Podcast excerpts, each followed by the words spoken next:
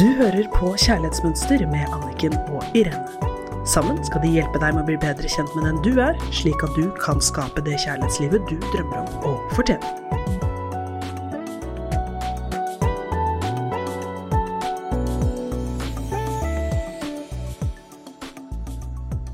Hjertelig velkommen til Kjærlighetsmønster på denne fredagen i november med Irene Hesling og Anniken Lyn Mathisen.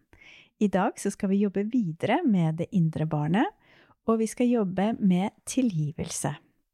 Mange av dem jeg jobber med, sliter med vonde følelser, og det å tilgi kan være et godt verktøy. Det skal vi komme nærmere inn på, men først så skal Irene gi oss en deilig, myk landing i kroppen som hjelper oss til å være enda mer til stede og kjenne etter, og rette lyset innover der hvor alle svarene er. Mm, tusen takk, Anniken. Og nå er det jo nærmer det seg juletider, og det er eh, ganske full fart for veldig mange. Så viktigere enn noen gang det å trekke oppmerksomheten hjem til meg selv. Eh, få ned stressnivået. Så jeg inviterer deg der du er nå, til å lukke øynene hvis du har anledning til det. Kjenne på underlaget som du befinner deg på akkurat nå. Ha kontakt med pusten din, trekke oppmerksomheten din inn i kroppen din. På utpustet kjenne at du kan lande litt tyngre ned mot underlaget ditt.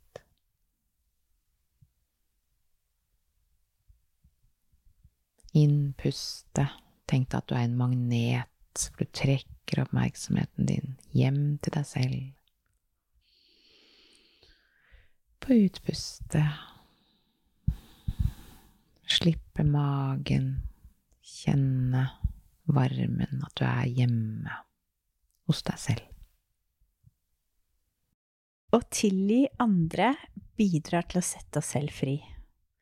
Og dette her er jo ofte sånn at vi tenker det høres veldig fint ut, og det er lett å si, men det mange opplever, er at det er vanskelig å tilgi med hele seg og fullstendig gi slipp på alle vonde følelsene som man bærer på i kroppen sin.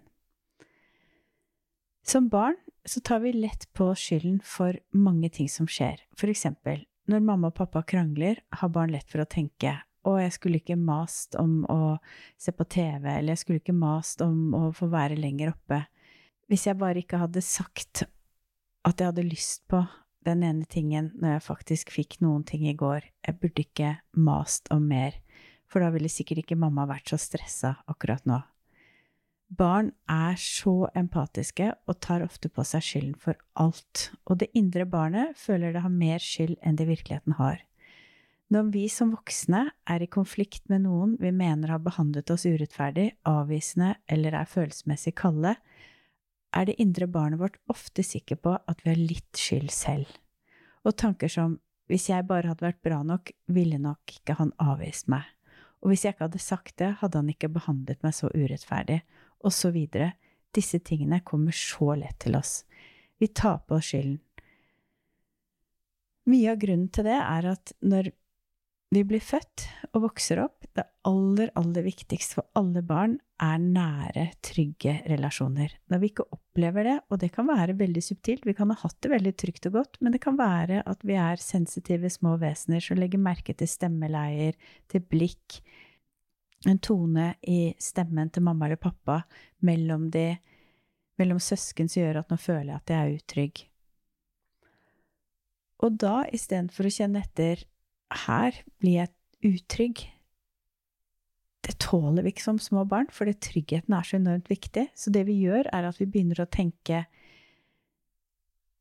Hvis ikke jeg hadde gjort det eller det, så hadde de sikkert gitt meg all kjærlighet og oppmerksomhet. Hvis jeg bare hadde vært bra nok, så hadde de gitt meg all den kjærligheten og tryggheten de har inni seg. For det er så viktig at vi føler at vi har det fra de rundt oss, at vi tar på oss skylden. Og dette her er da starten på en strategi hvor vi ender veldig ofte opp med at når vi kommer i kontakt med nære relasjoner, så er det ikke naturlig at jeg får dekket dette behovet av kjærlighet og trygghet med en gang, men jeg får heller en følelse av utrygghet, og så tar jeg på meg denne skammen og kritikken selv. Og når vi føler at det er vår skyld, og at alt hadde vært annerledes om vi hadde oppført oss på en annen måte, klarer vi ikke å tilgi oss selv. Vi ser ikke situasjonen som den er. Vi skammer oss over den vi er, og da klarer vi heller ikke å tilgi andre. For å tilgi andre må vi først tilgi det lille barnet i oss selv og frigjøre oss fra skammen som vi tror er vår. Vi må bli bevisst det vi skammer oss over, tanker og ord som vi sier til oss selv hver dag uten å legge merke til det. Mye av det jeg jobber med, er også å kjenne etter hva er det du kritiserer og skammer deg over. Fordi skam og kritikk som kommer fra det lille barnet i oss, vet ikke at det er uskyldig. Det lille barnet som så desperat ønsker å bli elsket og sett. I praksisen min jobber jeg mye med frigjøring av skam som klientene ikke er klar over at de bærer på. De må lære å tilgi seg selv, slik at de kan få den kjærligheten de lengter etter. Mm. Tenk at som barn så er vi jo helt uskyldige. Og som voksne er vi jo også det.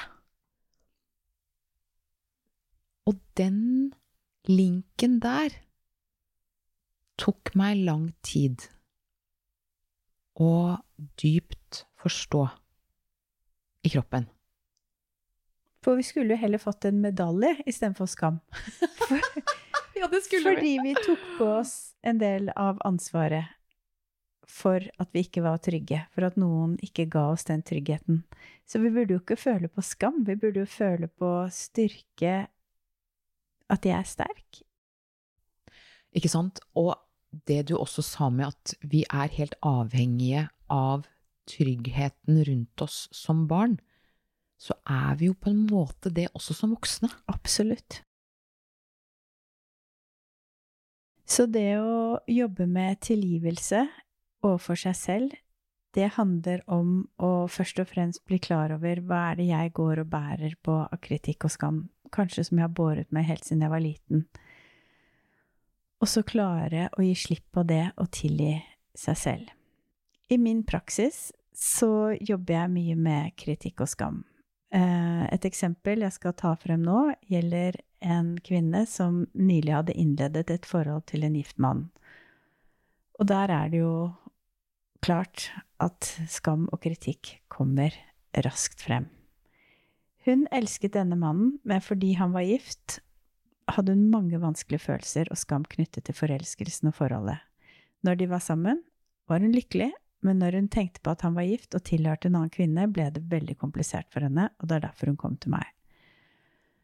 Han hadde vært tydelig med henne at han ikke kom til å gå fra kona akkurat nå.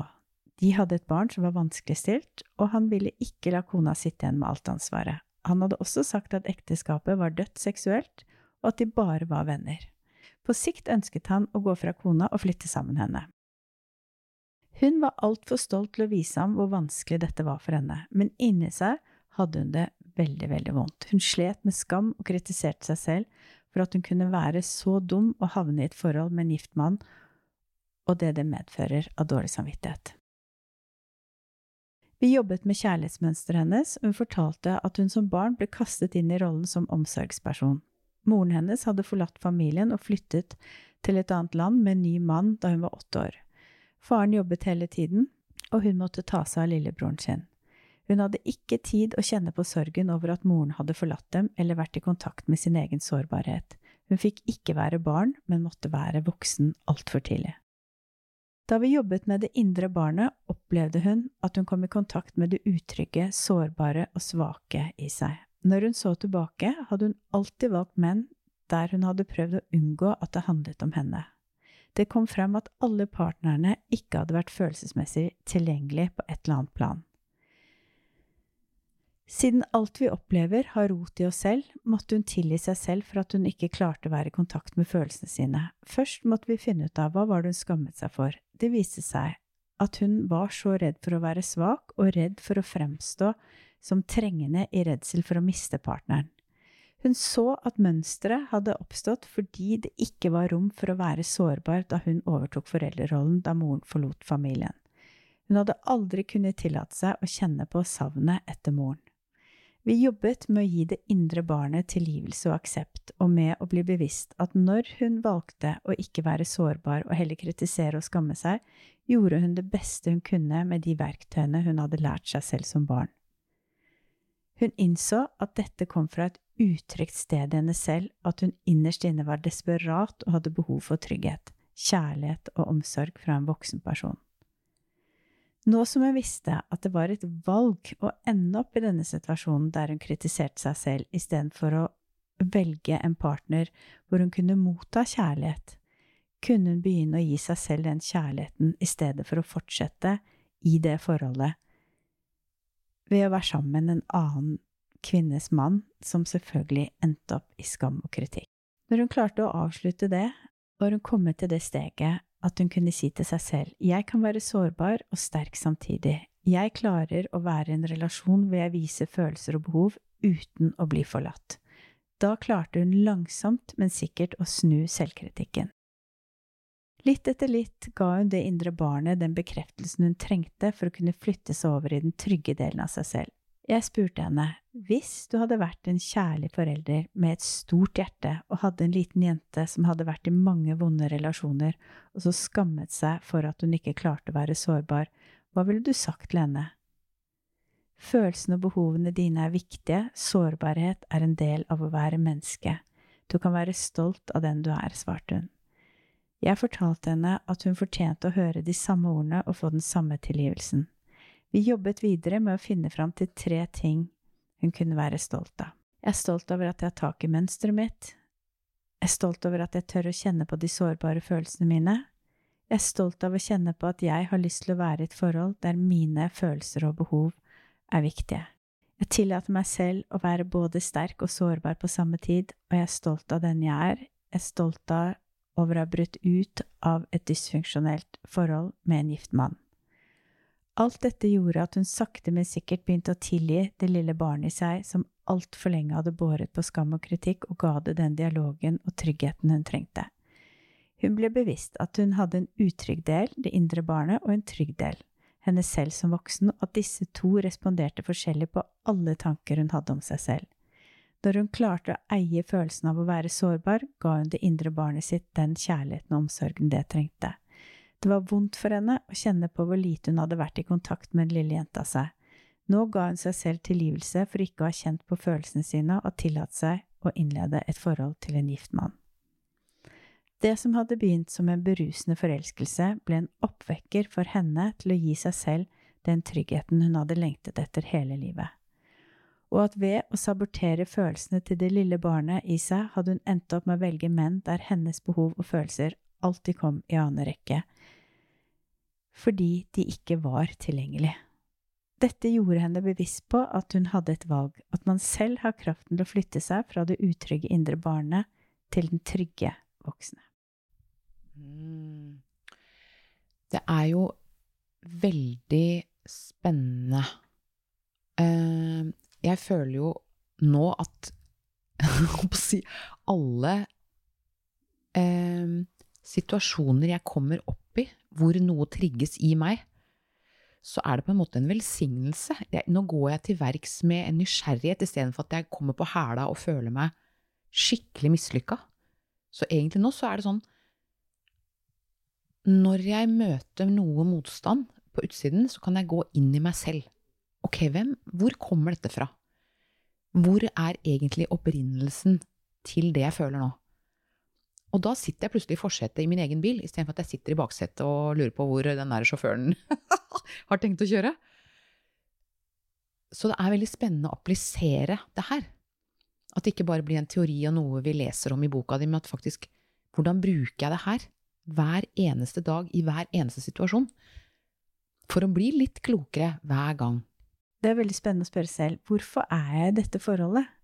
Fordi det er jo interessant å se at hvorfor man ender opp i dysfunksjonelle relasjoner og forhold man ikke burde vært i, er fordi mitt indre barn har et sår, som jeg ikke har vært i kontakt med.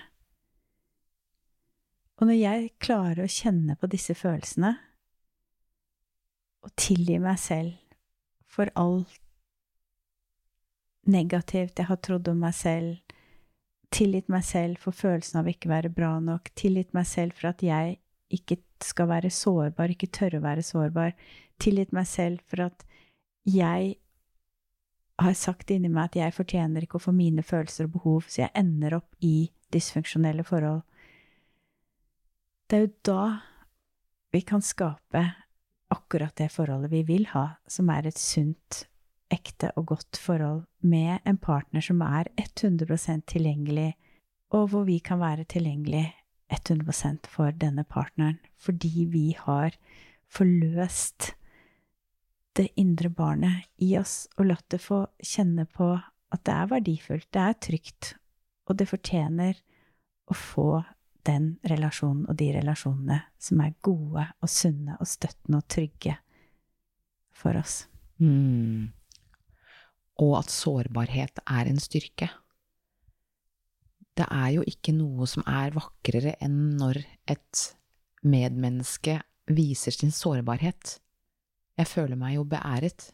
Eh, og jeg ønsker også å være et sånt menneske som tør å være sårbar. For det er så, det er så store kvaliteter som ligger i sårbarhet. Det er styrke. Mm. Det er 100% styrke, det å kunne være sårbar. Og det må vi kjenne inn over, og ikke velge den ene partneren etter den andre hvor vi drukner i forelskelse, drukner i problemer, drukner i drama, fordi at vi ikke orker å kjenne på oss selv. Og det er jo i alle relasjoner. Med venner, med absolutt alle. Det er så sant, så kjenn etter. Hvorfor har jeg de relasjonene jeg har? Hvorfor er jeg i det forholdet? Er jeg i kontakt med min egen sårbarhet?